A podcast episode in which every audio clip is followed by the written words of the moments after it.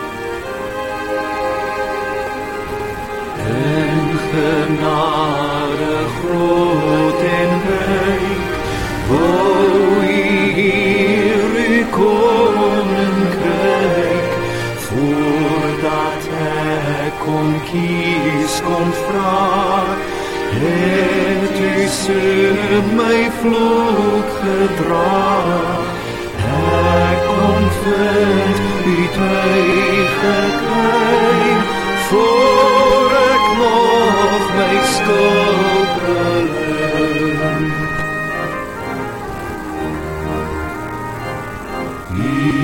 Oor alles God en hoof,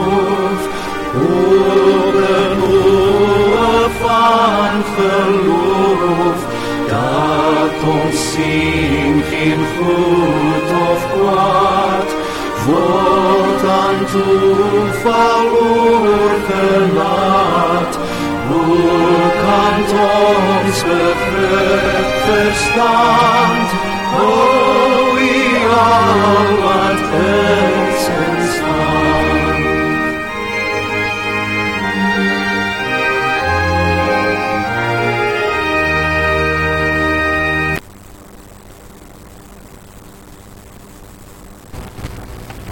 Wanneer ons by ons belydenis stil staan vanoggend by die Heidelberg Katekismes Sondag 12 en ons doen dit weer gedagtig aan dit wat ons waarby ons begin het dat God sy reddingsdade tot aan die uithoeke van die wêreld aan al die nasies openbaar. En hy doen dit uiteindelik in Christus. En ons vra die vraag, waarom word Jesus Christus wat gesalfde beteken genoem? En ons antwoord omdat hy deur God die Vader bestem en aangestel en met die Heilige Gees gesalf is tot ons hoogste profeet en leraar wat aan ons die verborgde raad en wil van God aangaande ons verlossing ten volle bekend gemaak het. Tot ons enigste hoëpriester gesalf is wat ons met die enige offer van sy liggaam verlos het en met sy voorbidding gedurig deur by die Vader vir ons intree en tot ons ewige koning gesalf is wat ons met sy woord en gees regeer en ons by die verlossing wat verwerf is beskerm en bewaar. Maar daarmee saam ook vir ons waarom word jy 'n Christen genoem? En ons antwoord omdat ek deur die geloof 'n lid van Christus is en daarom deel aan sy salwing het sodat ek sy naam kan bely, myself as 'n lewende dankoffer aan hom kan toewy en in hierdie lewe met 'n vrye gewete teen die sonde en die duiwel kan stry en hierna met Christus in ewigheid oor alle skepsels kan regeer. Ons mag deel in hierdie voorreg. Kom ons loof die Here hiervoor deur saam te sing van Here ons sal U loof en daarna staan ons stil by God se wil vir ons lewe.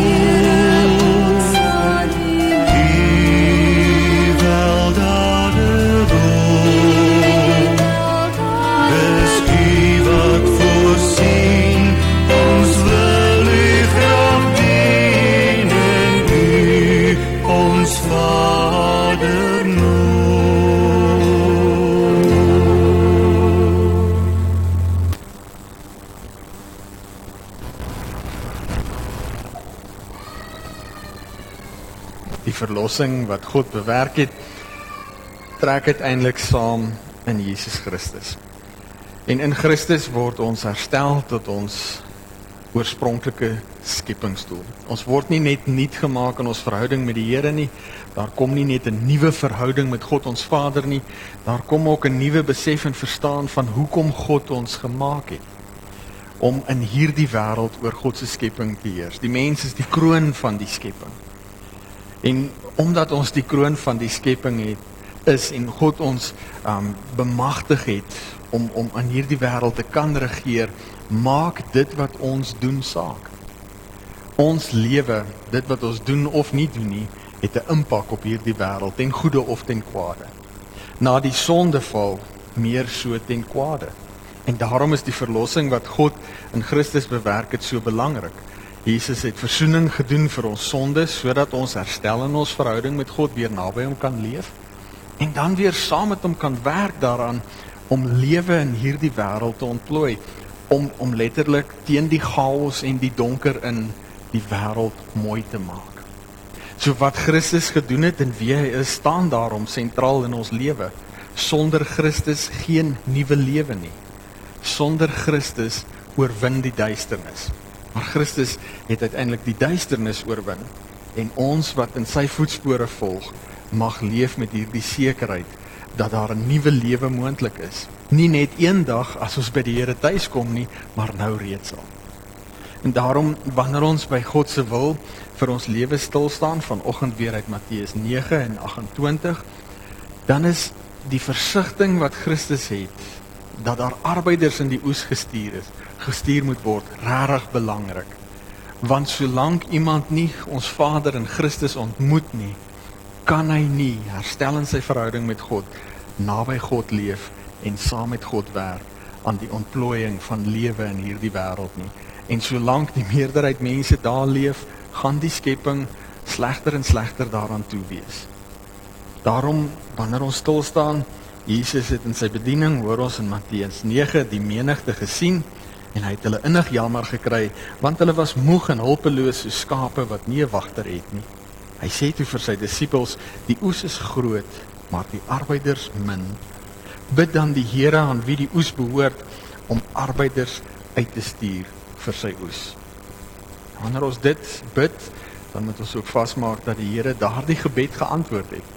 Ons is daardie arbeiders. Ons wat bely dat Jesus Christus ons Here is, ons is die arbeiders wat hy vandag in die oes instuur. En daarmee saam dan Jesus se wettige opdrag as wettige koning. In Matteus 28 hoor ons Jesus kom toe nader en sê vir sy disippels: "Aan my is alle mag gegee in die hemel en op aarde. Gaan dan na al die nasies toe en maak die mense my disippels. Doop hulle in die naam van die Vader en die Seun en die Heilige Gees en leer hulle om alles te onderhou wat ek julle beveel het. En onthou, ek is by julle tot die volëinding van die wêreld. Hiertoe roep die Here elkeen van ons nog vandag. Dit is nie altyd so maklik nie, veral nie in 'n wêreld wat so te mekaar raak soos ons in en daarom ons afhanklikheid van die Here ook. Jesus sou in Handelinge hoor ons vir sy disippels sê om in Jerusalem te gaan wag want hulle sal krag ontvang wanneer die gees van God oor hulle kom en so ook vir ons wat ons doen in die koninkryk kom nie uit onsself nie, maar deur die werking van die Gees. En hierin sê die Bybel vir ons by meer as een geleentheid, ons moet bid vir die gawe van die Gees, vir die krag en die wysheid wat God gee sonder voorbehou aan elkeen wat vra. Psalm 10 vers 17 hoor ons um wanneer die psalmdigter sê um U het die gesmeek van die hulpeloses gehoor, Here. U gee hulle nuwe moed. U verhoor hulle gebed. En wanneer ons besef van ons eie gebrokenheid en ons eie swakheid na die Here toe kom, die Here hoor ons gebed. Die Here antwoord dit. Daarom met daardie versigtiging kom ons verenig in gebed voor die Here deur saam te sing van helder skyn die lig vir die nasies en daarna gaan ek vir ons voor in gebed.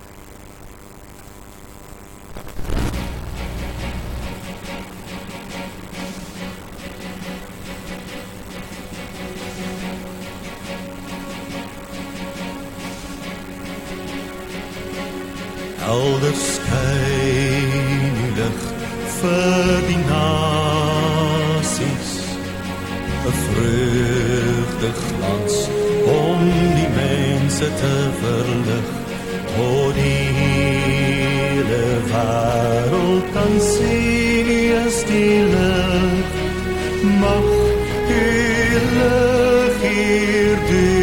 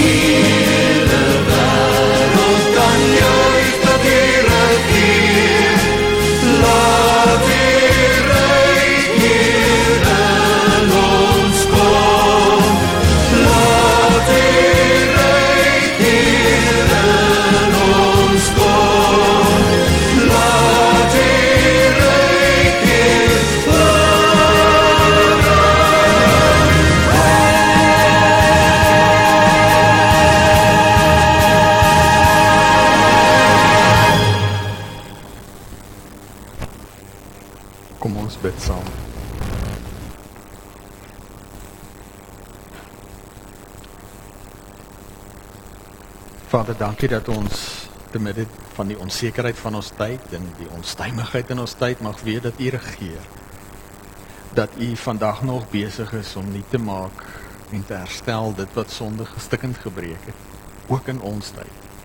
Dankie dat ons mag leef met die wete en die besef dat U ons hier geplaas het. Vandag hier en nou om sout en lig te wees, om 'n verskil te maak ten goeie te midde van dit wat skeefloop. En as ons voor U rustig word, dan bepleit ons ons afhanklikheid, Vader.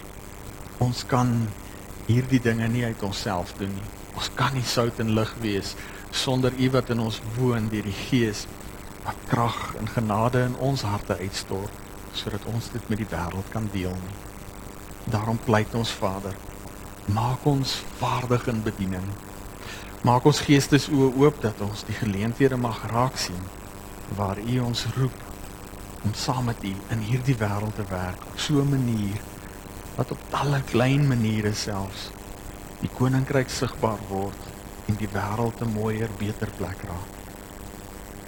Ons kom Vader in afhanklikheid en ons dra elkeen in ons gemeenskap aan U op wat swaar trek aan die las en van siekte en dood in hierdie tyd.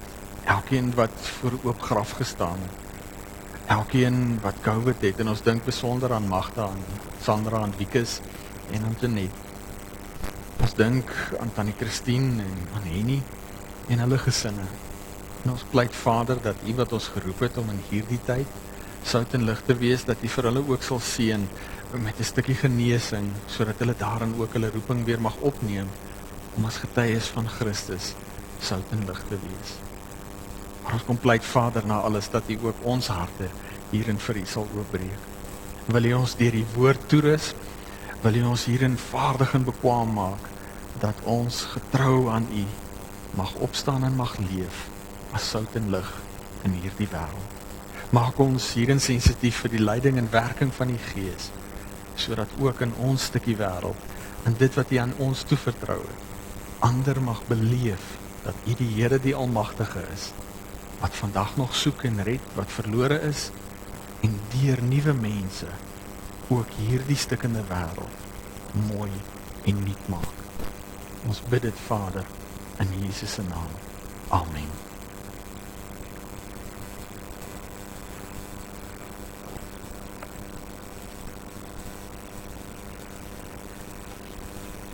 Ons het verlede Sondag stil gestaan by Matteus 16 by Petrus se belydenis dat Jesus die Christus is en Jesus dan nou vir hom ook sê dat dit nie uit homself uitkom nie, maar ons Vader wat in die hemel is wat dit aan hom geopenbaar het.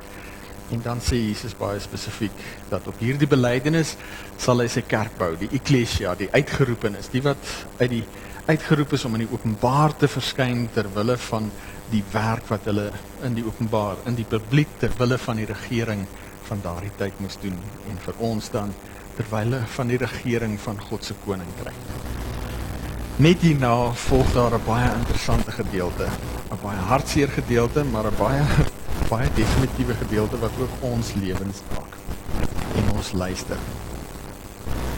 Van toe af het Jesus dit vir sy disippels duidelik begin stel dat hy Jerusalem toe moet gaan en baie moet ly onder die familiehoofde, die priesterhoofde en die skrifgeleerdes en dat hy doodgemaak moet word en die derde dag uit die dood opgewek moet word. Petrus het hom toe op sy geneem en hom begin berispe. Mag God dit verhoed. Here, dit sal beslis nie met u gebeur nie. Maar Jesus het na Petrus toe gedraai en vir hom gesê: Moenie in my pad staan nie, Satan. Jy is vir my 'n struikelblok want jy dink nie aan wat God wil hê nie, maar aan wat mense wil hê. Tot sover.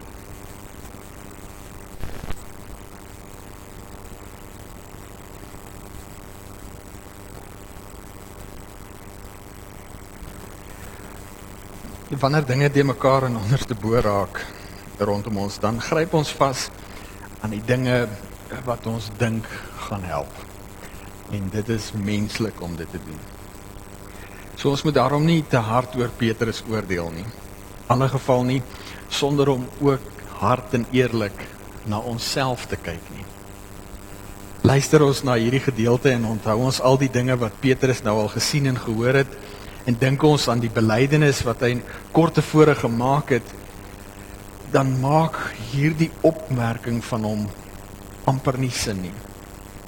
Nou Ons kyk met die voorreg van die hele evangelie van Matteus van 2000 jaar se geskiedenis in ons guns. Maar Petrus het nie heeltemal hierdie voorreg gehad nie.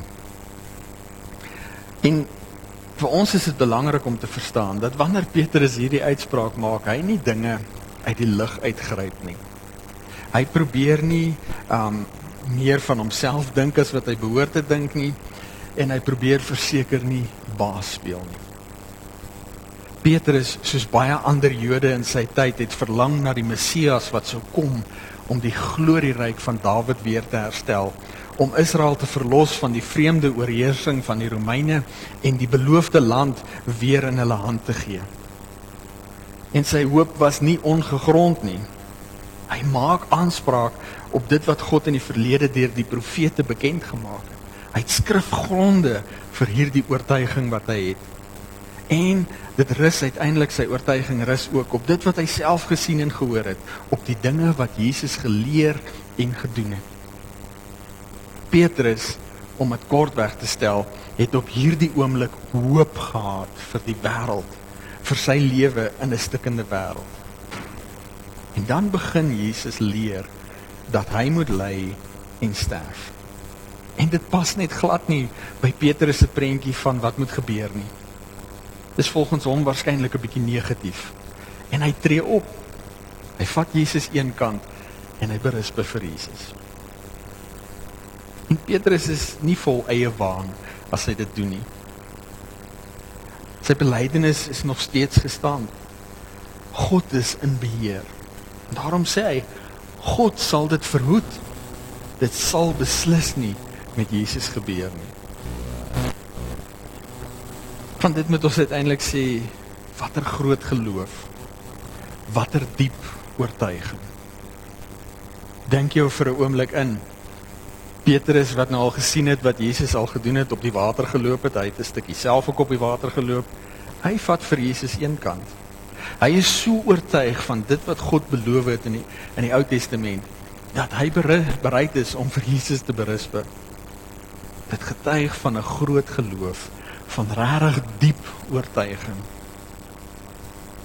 En weer eens nie iets wat hy uit die lug uitgryp nie. Dis geanker in die woord in die Ou Testament en dit wat hy Jesus sien doen en leer het. Dit val nie uit die lug uit nie. En daarom die aangrypende en die skrikwekkende van Jesus se harde uitspraak. Satan moenie in my pad staan nie.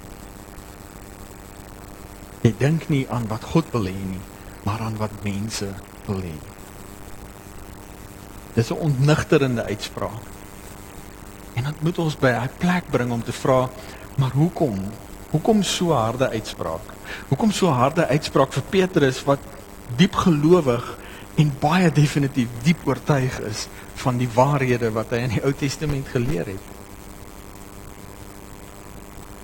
Die probleem is waarskynlik dat Petrus vashak by die gedeeltes in die Ou Testament wat vir hom werk. Die gedeeltes wat hy van hou. Die beloofde land is Israel se en daarom syne. Petrus kyk so bietjie selektief na die beloftes van God. Maar die seën wat God deur Abraham aan al die nasies beloof het, die feit dat God Israel die lig vir die nasies gemaak het sodat die verlossing wat hy bewerk het die uithoeke van die aarde sou bereik, daardie gedeeltes sien Petrus nie raak nie. Hy knyp sy oë daarvoor toe. As Petrus luister na Jesaja en hy hoor van die dienskneg wat moet lei, dan druk hy sy ore toe daardie stukkies pas nie in by dit wat hy graag wil hoor nie. Hy hoor en sien net dit wat hy graag wil hoor. Hy glo in in God en is heeltemal bereid om die pad saam te stap solank dit vir hom tot voordeel is.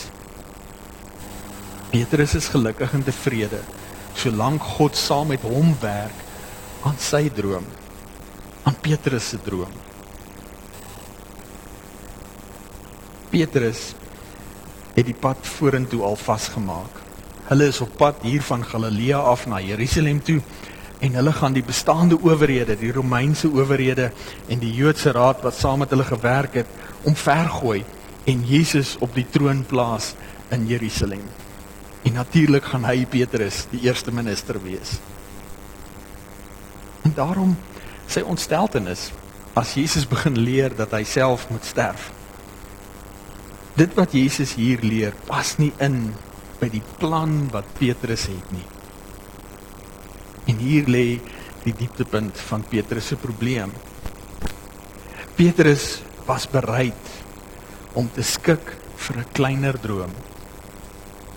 Hy was bereid om uiteindelik sy lewe op die spel te sit vir hierdie stukkie wat hy wou gehad het. 'n Stukkie van die beloofde land. 'n Stukkie veilige lewe binne die raamwerk van dit wat hy raak gesien het in die Ou Testament. Wanneer Jesus hier die harde uitspraak maak, dan val dit ook nie uit die lug uit nie. Wanneer die duiwel vir Jesus in die woestyn verstoek, dan bied hy die duiwel vir hom al die koninkryke van die wêreld aan hom aan, solank hy maar net die duiwel aanbid. Die duiwel was van die begin af 'n leienaar en 'n moordenaar wat wil stikkend breek wat God mooi gemaak het. En ook hierin is hy steeds besig om God se verlossingsplan stukkend te probeer breek. En die duiwel vind in Petrus 'n gewillige bondgenoot. Nie omdat Petrus boos is nie, maar omdat Petrus bang is en probeer hou wat hy dink hy het. En weer eens is dit belangrik vir ons om om te onthou Petrus gryp nie sy oortuiging uit die lug uit nie. Hy het skrifgronde vir dit wat hy glo en hy kyk na die dinge wat Jesus geleer en gedoen het tot op daardie stadium. Hoekom sê Jesus dan vir Petrus hy is 'n struikelblok? En die antwoord is omdat Petrus God probeer skaak om sy droom te verwesenlik. Petrus dink sy eie klein plan, sy eie klein verstaan van wie Jesus is, is die belangrikste. Hy en die droom wat hy het, kom eerste. Petrus sien in Jesus die koning wat gaan help om hom veilig en gemaklik te laat lewe. Maar uiteindelik is Jesus baie meer as dit. Paulus skryf vir ons in Kolossense 1 hieroor. As jy in Kolossense 1 sal gaan kyk, gaan jy sien hierdie gedeelte vers 15 tot 20 is in sulke kort deeltjies opge, opgeteken. Dis 'n lied waarskynlik wat in die Nuwe Testamentiese tyd gesing is oor Jesus. Luister gou. Meet Petrus se verstaan van Jesus as koning wat in Jerusalem gaan regeer sodat hulle nie meer onder die Romeinse juk hoef te leef nie. Teen dit wat hier van Jesus gesê word. Die seun is die beeld van God van God wat self nie gesien kan word nie. Die seun is die eerste verhewe bo die hele skepping.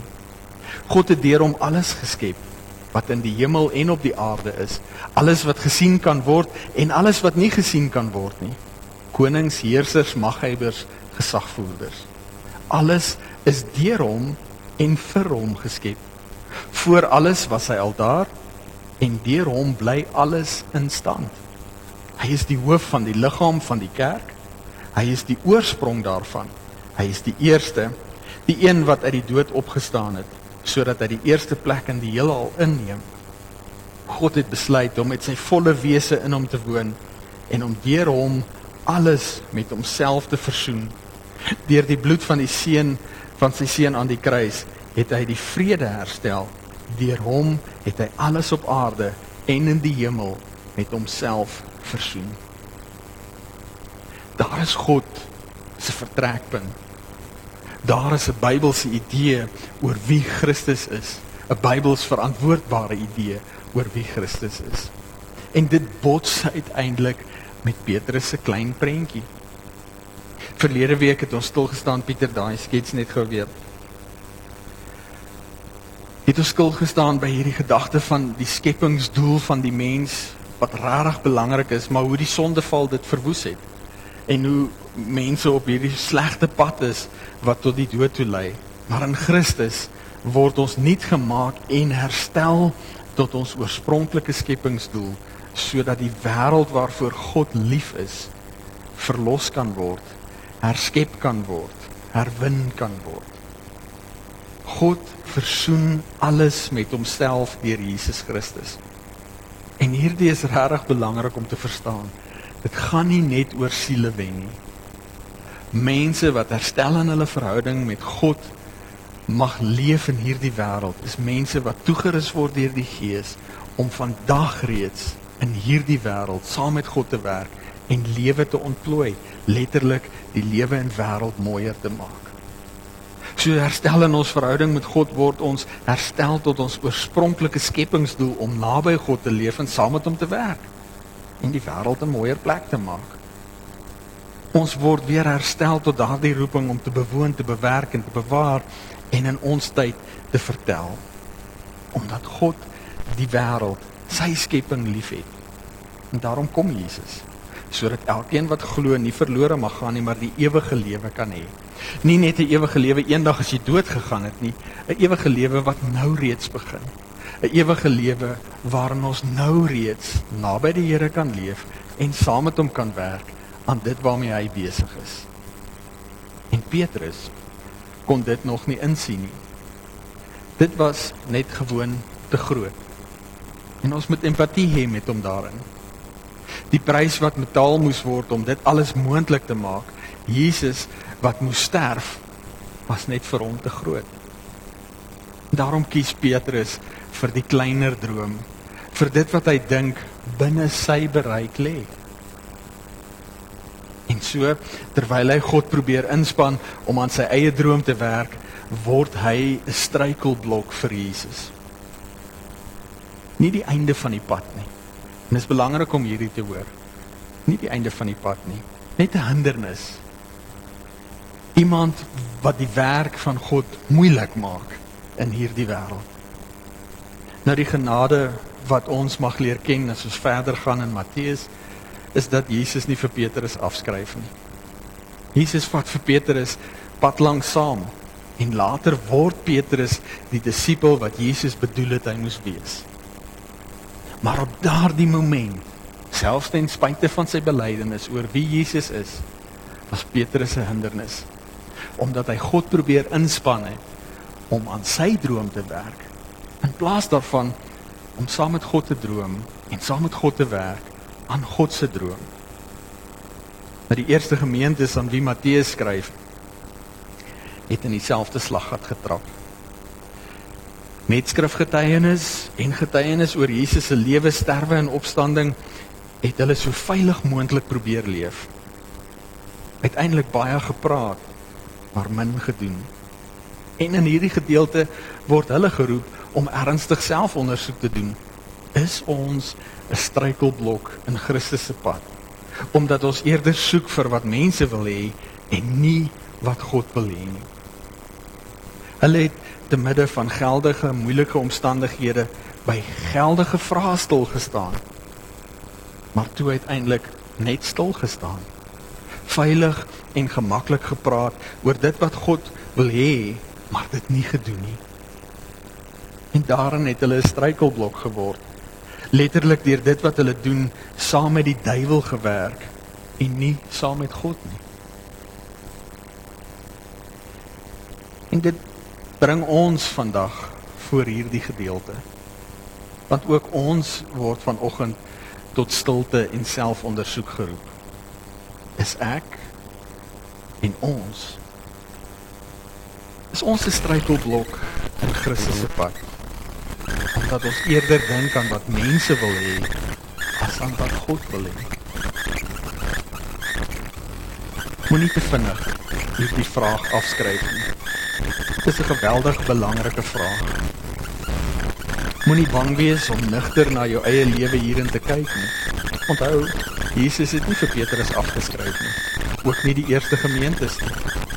Die goeie werk wat hy in hulle begin het, het hy eintlik gevoer en hy sal ook daardie goeie werk in ons tot volëinding bring. Daarom, hoe lyk dinge in jou lewe? Is jy 'n struikelblok in Christus se pad? Omdat jy God probeer skaar vir jou droom, vir jou klein droom van 'n veilige lewe hier en nou? Of droom en werk jy saam met God aan sy groot droom vir sy skepping? Die pandemie en die onlangse onrus maak dat baie bely dat God alles wat ons het in hierdie land en dat ons net moet bly bid. En ons kan nie hieroor stry nie. Dit is immers nie verkeerd nie. En tog is daar iets meer. God regeer. En hy regeer vandag nog. Maar iets wat ons baie keer uit die oog verloor is dat ek en jy vandag hier nou leef omdat die Here die almagtige wat regeer voor die grondlegging van die wêreld beskik het dat ons vandag sou leef. Dat ons as kinders van hom vandag sout en lig in hierdie de mekaar land en wêreld sou wees. Dat ons vandag sou lewe om saam met hom lewe te ontplooi om die donker stikkend en seer die chaos rondom ons tromp op te loop en 'n verskil ten goeie te maak om die lewe en wêreld al is dit ook op klein maniere mooier te maak. En ons is nie uitgelewer aan hierdie omstandighede nie, maar verlos en losgelaat om in hierdie omstandighede hoop te bring deur getrou en gehoorsaam naby God te leef en saam met hom te werk aan sy droom om die wêreld met homself te versoen deur Christus. God is besig met iets baie groters as ons eie veilige en gemaklike lewe. En daarom hierdie vraag. Werk jy saam met hom of is jy 'n struikelblok? As die Here wil, gaan ons oor 2 weke weer nagmaal vier en daarom is hierdie ook 'n tyd van voorbereiding vir ons, 'n tyd van selfondersoek. En hierdie vraag wat ons vra is regtig lewensbelangrik. Wanneer mense in Petrus se tyd voel dat God hulle in die steek gelaat het, dan sê Petrus, God stel nie sy beloftes uit nie. Dit is genade tyd. Die einde het nog nie gekom nie omdat God genade tyd gee omdat hy wil hê dat almal gered moet word. Dit is waarmee God besig is. Waarmee is jy besig? Daar is genade vir ons vandag. Jesus het nie vir Petrus afgeskryf nie. So wanneer ons by hierdie vraag stil staan, moenie bang wegstaan nie. Moenie jou oë toeknyp nie. Wees eerlik en nugter. Kyk na jou eie lewe. Maar maak ook vas dat daar ook in die evangelie in die evangelie van Matteus ook 'n besondere waarskuwing opgelê opgesluit lê. Dis nie net Petrus wat hierdie dinge gesien het wat Jesus gedoen het nie. Judas was ook daar. Judas het alles gesien en beleef wat Petrus gesien en beleef het. Judas het aan dieselfde Ou Testamentiese profeseë vasgehou om die waarheid te sê nog dieper en met groter oortuiging as Petrus.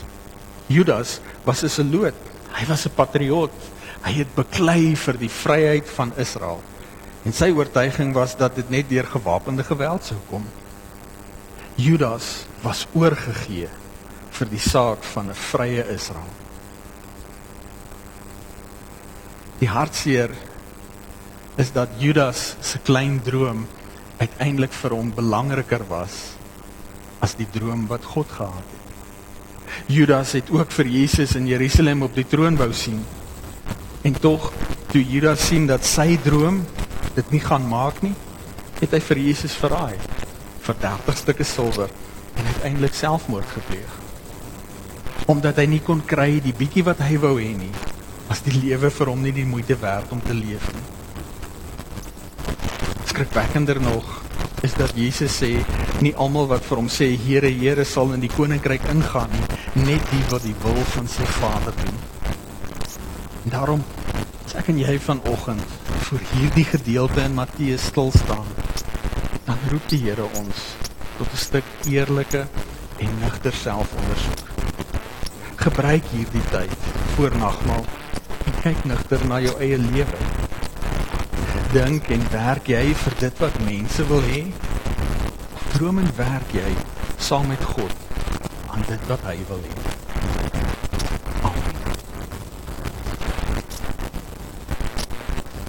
Daar enige vrae oor dit waarby ons vanoggend stil gestaan het?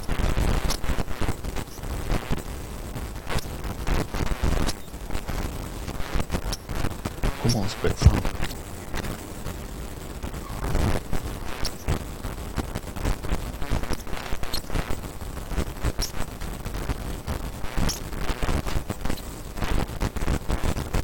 Vader, dankie dat ons met vrymoedigheid voor U rustig mag word. Dankie dat ons met vrymoedigheid mag selfondersoek doen, wetend dat ook die Gees hiertoe werk in ons harte. Dankie dat ons mag weet dat daar niks in hierdie lewe op wêreld is wat skeiding kan bring tussen ons en U nie. Wat ons kan skei van die liefde wat U in Christus vir ons het nie. Vader, dankie vir dit wat ons mag beleef in ons alledaagse lewe vir die roeping wat ons mag uitleef vir die geleenthede wat ons raak sien. Bly Vader, maak ons hierin sterk en gewillig om nog groter te droom en meer te doen ter wille van hierdie wêreld waarvoor U lief is. Ons bly Vader dat U vir ons hierin die genade sal gee in hierdie tyd van selfondersoek voor nagmaal dat ons dit wat U in ons lewens doen nigter sal oordeel. Dat ons nigter na ons doen en late sal kyk, na hoe ons dink en wat ons doen. Dat ons daarin sal soek na dit wat U wil hê. En ons pleit Vader dat U vir ons hierin die gemoedelikheid sal gee om nie te twyfel aan U goedheid en getrouheid nie. Maar dat ons ook hierin tot U sal nader en met vrymoedigheid ook mag hoor dat U die een is wat ons nader trek juis deur hierdie worsteling heen. Ons kom in ons saam weet wees bid vir die kerk in Suid-Afrika. Die kerk in besonder hier in Suid-Afrika. Die kerk oor kleer en gemeenskapsgrense heen. En ons kom pleit Vader. Wil U ons harte hierin oopbreek vir U dat ons mag uitreik na mekaar op so 'n manier dat ons eensgesindheid in liefde daadwerklike verskil mag maak in die wêreld waarin ons leef. Dat ook ons getuienis van toewyding aan U die wêreld mag oortuig dat U vir Jesus gestuur het en dat U die wêreld net so liefhet as wat U vir Jesus het. Ons kom pleit Vader dat U ons hierin genadig mag wees. Dat die bietjie wat ons doen vrug mag dra tot uitbreiding van u koninkryk. Ons bly dit in Jesus se naam. Amen. Voordat ons bid om die seën van die Here verenig ons bidend voor die Here deur saam te sing van doen slegs u wil Heer waarom ons die Here pleit om ons hierin te lei en onsself ondersoek uiteindelik maar daarin ook dat ons alledaagse lewe getuienis mag dra van wie Christus is en wat hy kom doen het. Kom ons sing dit bidend saam en daarna staan ons vir die seën van die Here.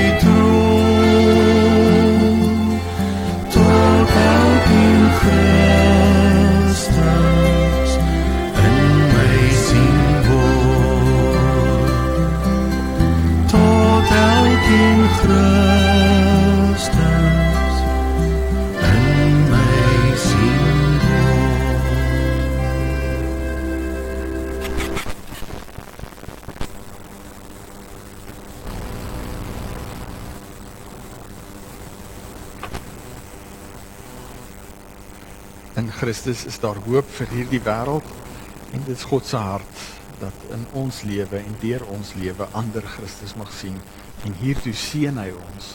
So gaan uit en gaan leef met oorgawe sodat ander Christus in jou mag sien.